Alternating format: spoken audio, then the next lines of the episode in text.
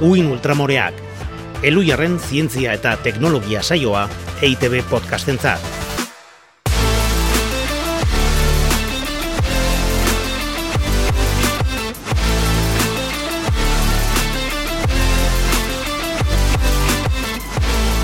Kaixo, Ana Galarraga estaran?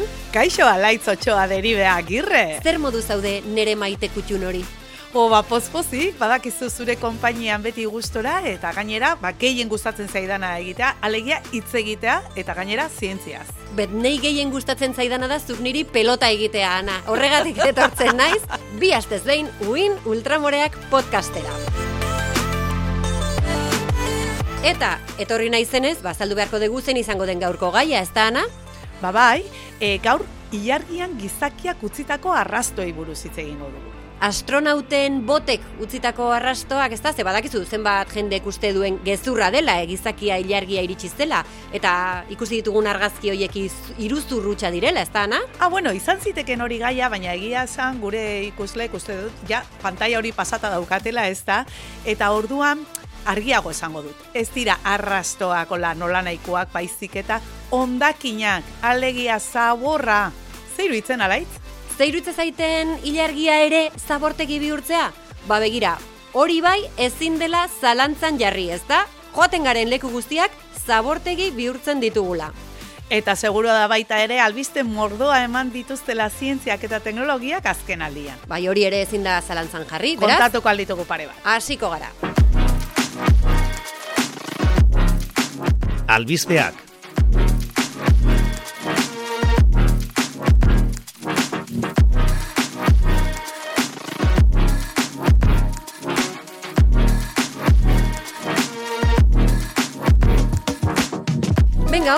Lehen albisteana. Sexismoa kaltegarria da zientziarentzat zein finantzazio publikoarentzat. Albiste, albiste, albiste ere ez da, ez da, hori? Ez delako berria? Bueno, hau guk askotan esan dugu, ez da? Oh, Baina oraingoan, ez dugu guk esaten. Ikerketa Europaek erdialdeko eta Australiako zenbait unibertsitateko ikertzaile talde batek egin du, denak emakumeak, esango dugu, eta ondorio estatu dute sexismoak zientziatik kanporatzen dituela emakumeak, baita akademiaren goiko etapetan ere.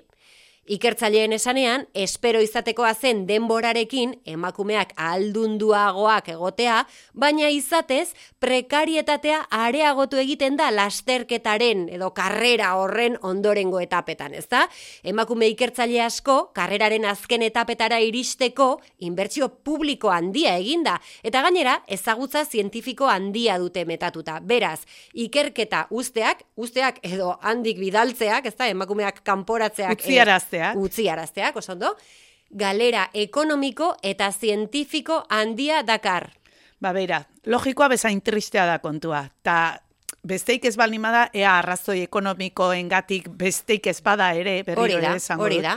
baia konpontzen duten kontua. Hombre, oinarrizkoa arrazoia litzateke eskubidea, denon eskubidea dela, emakume ona, e, pertsona arrazializatuena, guztiona, e, karrera zientifikoan aurre egiteko aukera izatea, ezta? Baina zuk ondo diozun bezala, arrazoi ekonomikoei bakarrik jaramon egiten badiete, ez ditzatela bidali e, emakumeak karrera zientifikotik. Galerak ekartzen dituelako. Ba, justu ni da, ekarri dudan albistea, Ainara Castellanos Rubio gidatutako ikerketa bati buruzkoa da. Ah, bai? Bai. EHUko ikertzailea, ez da ezagutzen dugu. da, hori da. Eta, bueno, e, ikertzen du zeliakian eta genetikarekin zezer ikusi daukan, Mhm. eta, bueno, arlo horretan ibiltzen da. Eta badakizu, zeliakia da, ba, glutena jatean, e, antura sortzen da esteetan, eta Bai. horrek albondorio larria dauzka osasunean. Bai. Ba, frogatu dute, konposatu natural bat salbiatik erauzitakoa, izena du azido salbianolikoa, nola Ah, izenako oso, du, bai, oso ondo jarrita, oso ondo Bai, jarrita. gu izena. bezala buru txarra daukagun ondo gogora erazteko, ba, ondo jarritako izena, horrek eragozten du glutenak antura hori edo inflamazio hori sortzea. Ai ba. Eta probatu dute laborategiko zeluletan eta xaguetan, eta ikusi dute, ba, hori, azido horrekin, ez dala anturarik sortzen. Mhm. Orduan, urrengo pausua izango litzateke, ba, pertsonetan e, probatzea eta hori guztia urruti dago. E, hori Bai, ere, eta hortik beharra dago. botika bat ateratzea, ez da? Bai, baina bueno, bintzat, badakite, albondori horik ez daukala pertsonetan, ez dala pertsonentzako kaltegarria, eta ez daukala horrela ezer nabarmenik, txinan, horren infusi, infusio hartzen dutelako. E, salvia lorum nola zen, barkatu? Azido salvianolikoa, salvia hartzen horrekin dute egit- infusioa, ah, eta vale. orduan, bai, eta orduan, ba, bueno, ba, badakite ez dula kalterik egiten. ah, ba, oso ondo, ez da? Ba, E, bai, ez daukate konponbide askorik, Bai, ez gaur egun zeliakoek egin behar dutena da glutenik ez hartu. Hori da. Zeliakoek, eta esan behar dut orain oso modan dagoela, e, jende publiko orokorrak, ez da? E, zeliakiarik ez daukan jendeak ere, glutenik gabeko produktuak hartzea, modan jarri da. Bai, horrelako absurdekori Bai, horietako bat. orain e, gure etxai berria, ez da, glutena da, dirudienez, antura sortzen digula, eta ez dakiz, eta dieta antiinflamatorio hoien barruan, e, glutenik gabeko produktuak modan jarri dira, eta esan behar duguan azuk, e, nitrizio eta egizelikadurik ez izenuen, e, justu, osasunarentzako, ez dira hain, hain, hain onak, ez da, glutenik gabeko produktu horiek, ze beste grasak eta izaten dituzte, ez da, Ana? Ba bai, ze justu glutenak teksturan eta dauka eragina, eta orduan glutena kenduta tekstura hoiek eta lortzeko bestelako gehigarriak erabili behar izaten dira, eta gehigarri hoiek askotan ba, gantzak eh, izaten Bai, dituzte, duzun transgantzak, bezala, bai. orduan e, berez askoz garbiagoa eta da, jatea ez badizu kalterik egiten, glutenarekin ba, beti bezala. Bai, bai, glutena da masa e, dana batea mantentzen duen pegamento itxasgarri edo glu hori, inglesez. Ah! Hortik dator, jakintzazue. Ikusten, beti Bueno, ikasten da zerbait. Beti ikasten da zerbait. E, atal horretara pasako gara, ez da? Claro, Zuzenean, ja, tita! pasara eman diozu. Egunero ikasten da zerbait.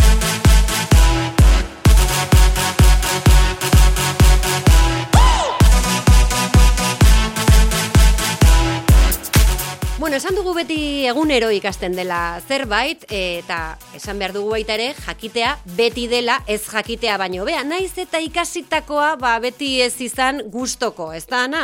Doize. Adibidez, eh, nik jakin dut, egazti gripea hartz polar bat hiltzera iritsi dela. Ez zait gustatu, baina nahiago dut. Jakin, ez jakin baino.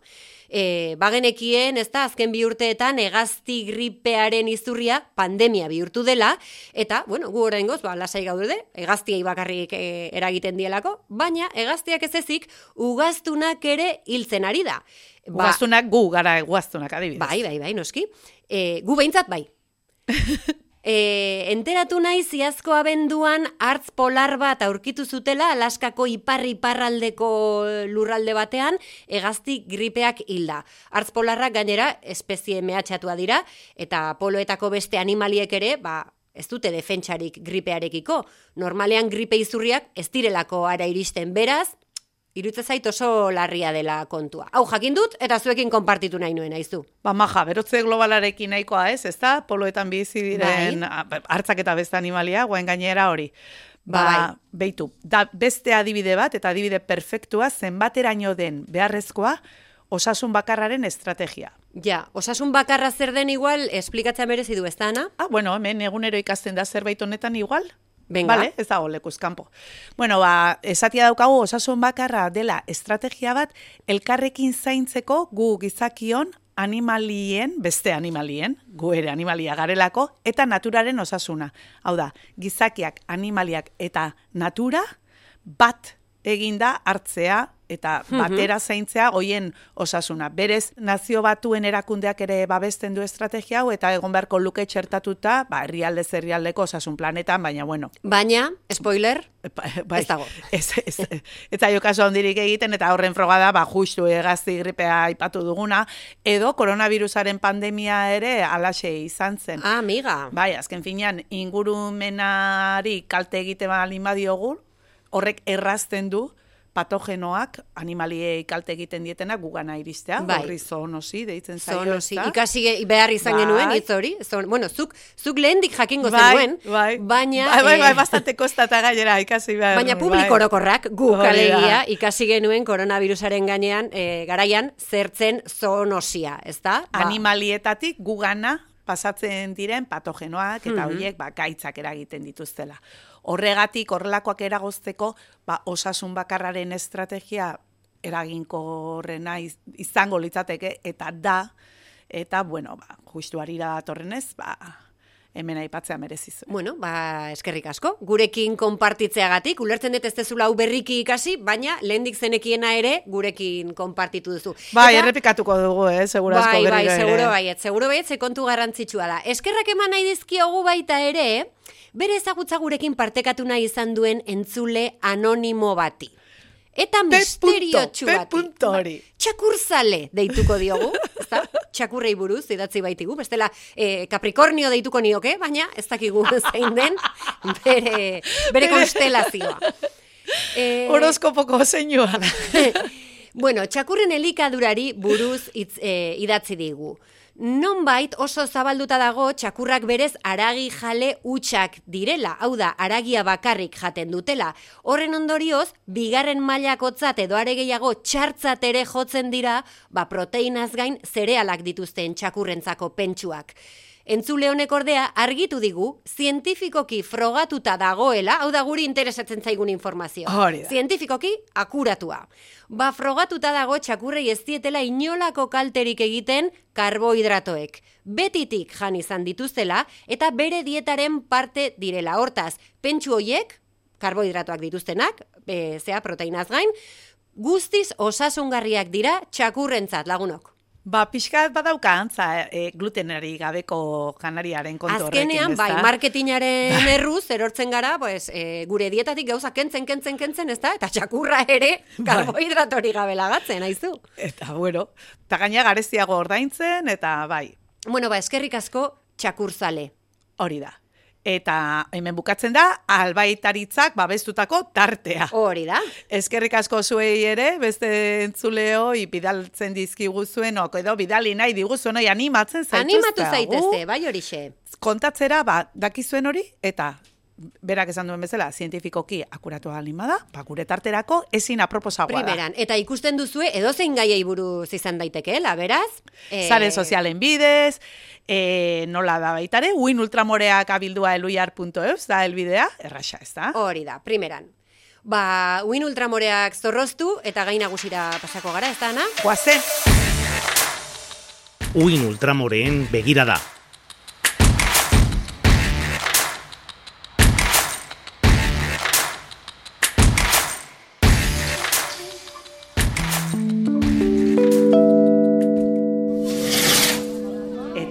Etorri ilargira. Hau bakea eta isiltasuna. Eta ze paisaia lasaigarria eta inspiragarria. Eta hau, zer egiten du txatarra puska honek hemen?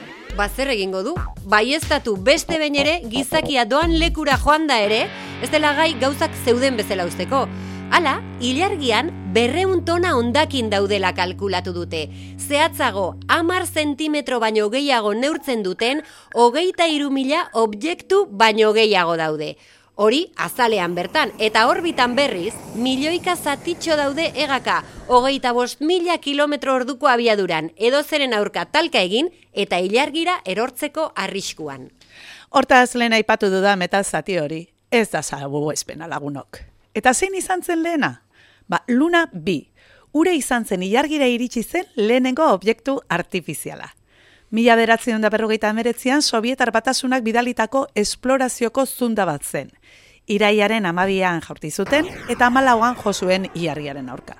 Antxe geratu zen, gero etorriko ziren beste objektu guztien aintzindari izateko orearekin. Orearekin. Sovietar batasunak horretan ere aurre hartu zien estatu batuei, baina haiek ere gogor lehiatu ziren eta mila bederatzireun eta irurogeita bederatzi eta mila bederatzireun eta irurogeita amabi artean, sei Apolo misio iritsi ziren ilargira. Seiak eskifaiadunak ziren, hau da pertsonak zera matzaten, eta zaborrugari utzi zuten ilargiaren azalean. Ala bitu, hemen ondo iruditzen bazaizu, parentesi bat irekiko dut esateko, misio horietan guztietan, hiru urtetan bidali zituzten sei Apolo misioietan, pertsona hoie guztiak danak zuriak eta gizonak zirela. Ara, Hain zuzen, NASAk misio badu martxan orain, Artemis, datozen urte hauetakoren batean, lehen emakumea eta lehen pertsona arrazializatua eramateko iargira. baina gertatzen nahi zaio pixka eta HTRI bezala, ezta? E, agian alako batean lortuko dute bere helburua baina atzeratzen ari da. Misio hori. Bai, bai, ez zaizki gauzako oso ondo ateratzen ari, ba, bueno, azkenean zuziria enkargatu diote Elon Muski, azpi Claro. kontratatuta, ba, Claro. EH-tian gertatzen dan bezala, ez? Baina jakinin berdazen egin kargatu gauzak, eske a ber. Eta hor, da, bi, are gapustua hundira indu, eta etzaio ateratzen nahi ondo, bueno, ikusiko, da, ikusiko da zer gertatzen den. Mhm. Hala ere zuk uste duzu misio hori garbia izango dela? Hori ja gehiegi eskatzea izango dela iruditzen zait, eh? Alare, benetan espero dut ez izatea orain arteko beste misio batzuk bezain narratxa. Ze lotxa eta guzti ematen du ikustea, ze gauza izan diren anuzteko gai. Egia gezurra edo ez dago evidentziarik atalerako modukoa dira batzuk. Mhm. Adibidez, zer diozu alaitz? A ber, Egia aldao, iargian utzitako objektuen artean, bi golf pilota daude.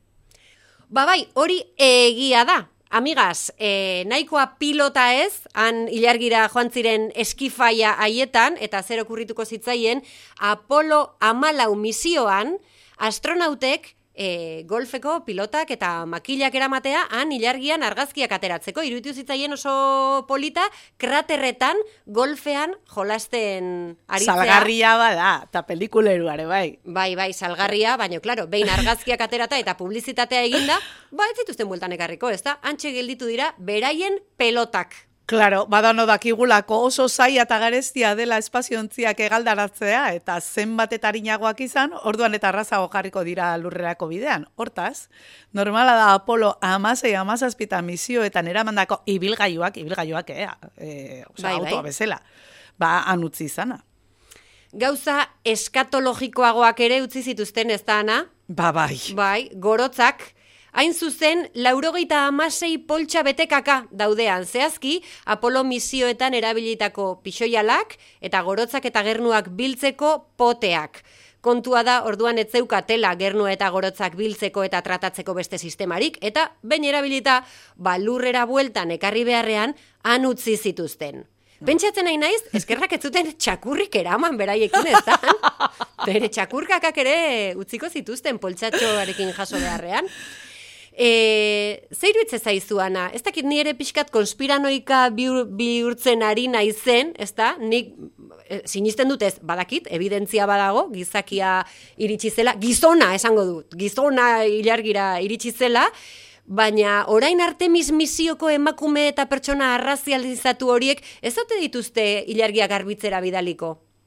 Bueno, ez dakit konspirazionista izan beharri dagoen susmori izateko, dauzkagun aurrekariak ikusita. Osea, fundamentuzko susmo bat iruditzen zaizu zuri. Ah, Nola baita egunen baten igual hasiko dira garbitzen eta bai, bai, bai, igual Be- aprobetxatuko beharbada dute. Horrek kasualidadia izango da. Zer inda dagoela ilargira eta eramango ditugu hauek. E, nik ez dut ideiarik emango, eh? Espero dut, ara doazen emakume hoiek, benetan ikerketa zientifikoa egitera e, joatea, behaien e, gizonezko aurrekari hoiek guztiak, bezala. Ba begira, badaukate gainera zer ikertu, ze espazioaren esplorazioa gidatzen duen galdera hundienetako bat, hau da. Bal dago hor beste inor, Hor non, ba, nun, ilargian, espazioan, espazioan. eta ilargian, claro. Bizi estralurtarra egotea posible dela pentsatuz, gaur egun lurretik bidaltzen diren ontziek guztiz esterilizatuta atera behar dute ez dezaten kutsatu bere helmuga. Noski. Ilargia Marte odena delakoa. Hori da. Ba, iargira doazenak ere, alaxe juten dira, esterilizatuta. Baina horrek gero ez du ezertarako balio, han uste balen baditugu gure kakak eta pixak bakterioz gainezka. Hori da, egiari zor horri buruz hitz egitera usartu diren astronautek esan dute uste osoa zutela espazioko erradiazioak esterilizatuko zituela, behaien e, kakapixak, eta beraz, ez zutela uste arriskutsuak izango zirenik. Eta egia da baita ere, ilargiko kondizioak oso oso gogorrak direla, eta litekena dela mikroorganismo gehienak hilda egotea baina agian, ba, batzuk irautea lortu dute, behiraz, zientifikoki oso interesgarria da ondakin hoiek berreskuratzea eta aztertzea, eta espezieren bat edo beste, ba, oraindik bizirikote dagoen ikustea, ezta? Hori da, adibidez, Apolo amasei misioan begiratu zuten, eh? ontziaren azalean zeuden mikro, mikroorganismoen lagin bat aztertu zuten, bederatzi zeuden, bederatzi espezie, eta gehienek bizirik iraun zuten. Ah, behitu. Askoz laburragoa zen misioa, Baina, bueno, hauek hainbeste urte pasaba dituzte horri jargian, eta baten bate bizirik iraun baldin badu, ba, evoluzionatzeko denbora eta dena igual izan du. Ara, imaginatzen duzu lurreko bizia ere horrela sortu izana, estralurtarrek utzitako kaka eta pixetik, ana? Alegia, gu izango ginateke orduan, estralurtarren bakterio haien evoluzioaren emaitza. Bai, bai, gu, kaka haien ondorengo. Papia, gustatzen zaiti ideia hori egia esan. Bai, bueno, imaginatzen hasita bestelako objektu batzuk eta imaginatzia badaude, ez da, laitz? Venga, zuri zer bururatzen zaizu. bueno, ba. imaginatu gabe, jakin badakit, eh, banderak daudela, nola, ez? Oh, claro, claro. Eh, seguru dagoela baita ere, familiako argazkiren bat, ez da? Eh, pelikuletan behintzat, Gustatzen zaizkie, bai, bai, bere gauza, familia. oie. El pequeño Timi, ez da? Bere aita espazioan Hane bai txakurrare bai, argazkilan. Txakurran argazkila? Bai, seguro. Baita ere, txakurra Etxeko tobi. txakurrana, bai, bai. bai, bai. Eta badakit baita ere Apolo amabostekoek esperimentu bat egin zutela, luma bat eta mailu batekin erakusteko biak alde, aldi berean erortzen zirela, ezta? Denok egin dugu ikastolan eh, esperimentu hori. Baziur, luma hori eta mailu hori ere antxe daudela, ilargi. Ba, bai, asmatu duzu. Eta Apolo misioak bukatu ondoren ere, jarraitu dugu misioak bidaltzen ilargira. Batzuk, ondo atera dira, eta dabiltza ibilgailu robotikoak eta aparatuak, laginak eta informazioa biltzen, eta besteak, zuzenean txatarra bihurtu dira, ilargiaren aurka talka eginda. Ba, ikusita gainera, gero eta herrialde gehiago sartzen direla ilargira joateko edo ontziak bidaltzeko leia horretan, ba, igual komeniko litzateke mugak jartzea, ez da, ana, edo One Health osasun bakarraren kontzeptu hori e, e, zabaltzea ilargira ere. Niz esango dizut, ba, noski, ados nagoela, baina ez dakit, erraza izango den lehiakide horiek ez zertan ados jartzea, ez da gure ilargiatagatik ere. Hori ere egia da. Martxa honetan, norbaitentzat ilargia lapurtzea, erromantikoa izan beharrean, mendeku motat izango da, ba, ez dakit, almohadan zaldikak austea bezalakoa edo. Ah, orduan kantatze baldin baizue, zuretzat ilargia lapurtuko nuke gauero. Igual ez zaizu ez erronik esaten. eh? Ez, ez. Zerri, zerri inda dago, ilargia. Buah, honekin ja bukatiko dugu, eh? Bai, listo. Goazen. Egia, gezurra, ala ez dago nahikoa evidentzia.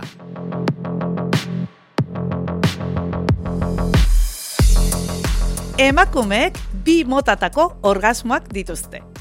Bi motatako orgasmoak esan nahi duzu e, vaginala eta klitorianoa. Ha, hola deitzen zaie, bai. Bale, nik esango izut e, gezurra dala hori. Hori nik ulertzen dudanagatik, haber asmatueten, eh?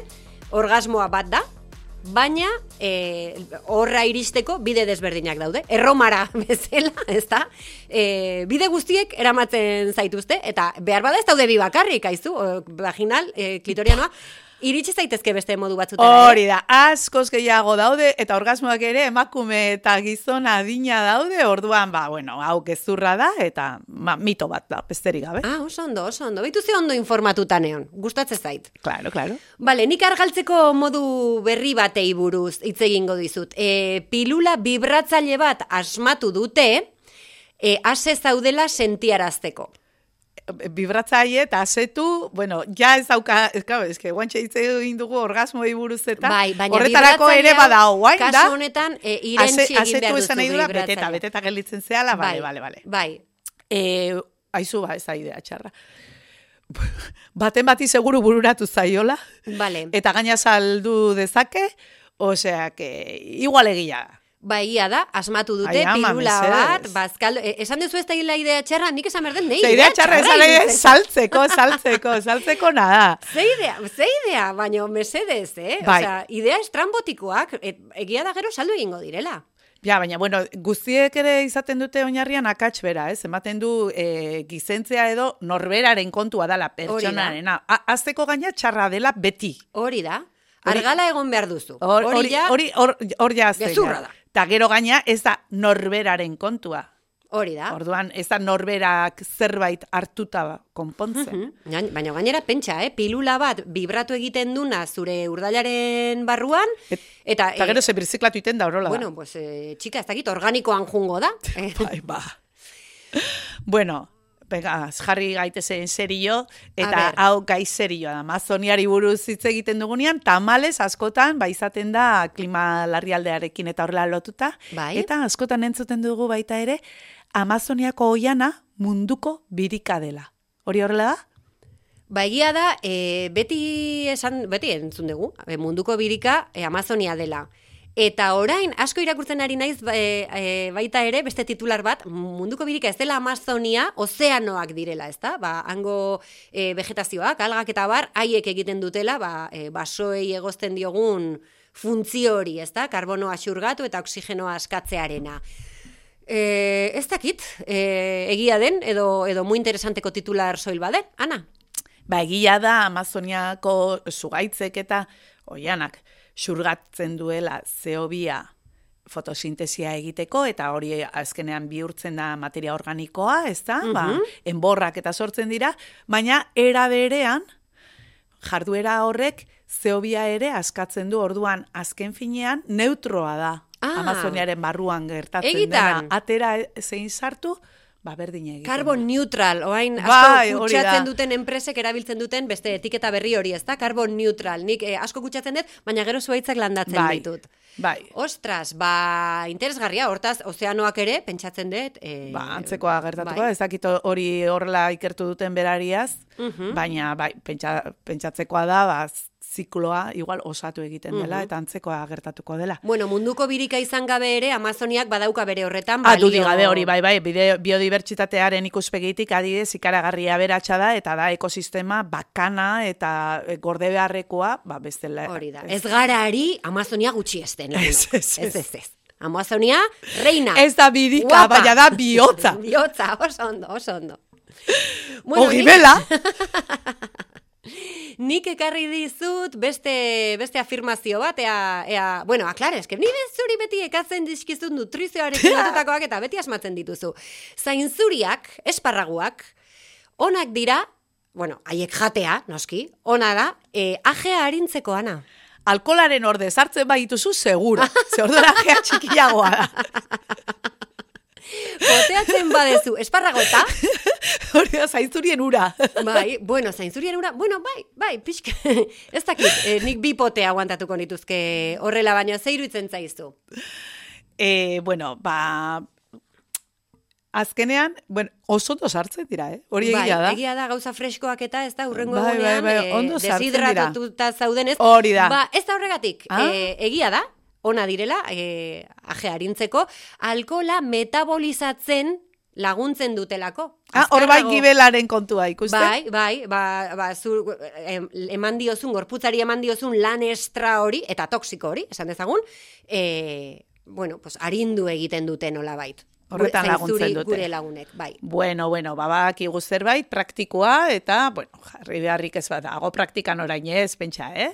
Baina, norbait itukatzen bazaio, ba, jakin Ba, hor dauka. Eta holku kulinari honekin bukatuko dugu gaurko atala, ezta? E, ba, bai, bukatze eragoaz, eta bukatu aurretik, eskerrak eman berdizkiogu gure teknikariari, egoitz etxe beste adurizi, Noski baiet, zegoi. gure entzule hoi, nola ez, Hori da, entzule hoi, eta gogoratu, e, bide batez, zerbait ikasi baduzue, zerbaitetaz enteratu baldin bazadute, kotileo bat izan daiteke baita ere, zientifikoak akuratua baldin bada, gurekin konpartitu, e, sare sozialen bidez, edo uin ultramoreak abildua eluiar.eus elbidera idatzita. Eta zuri ana ere, ba, eskerrik asko, ona etortzeagatik, e, bi astez behin bezala, ezta? gehien gustatzen zaigun lana egitera. Hori da, eskerrik asko eta muixuak bai, urren arte. Agur. Aio. Uin Ultramoreak podcastaren atal guztiak EITB podcast atarian topatuko dituzu. Eluiaren zientzia.eus webgunean eta ohiko audio plataformetan.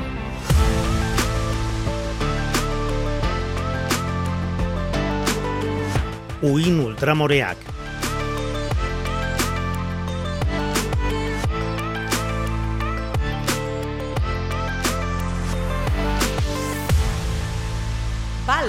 Bal dago hor beste inor. Nun.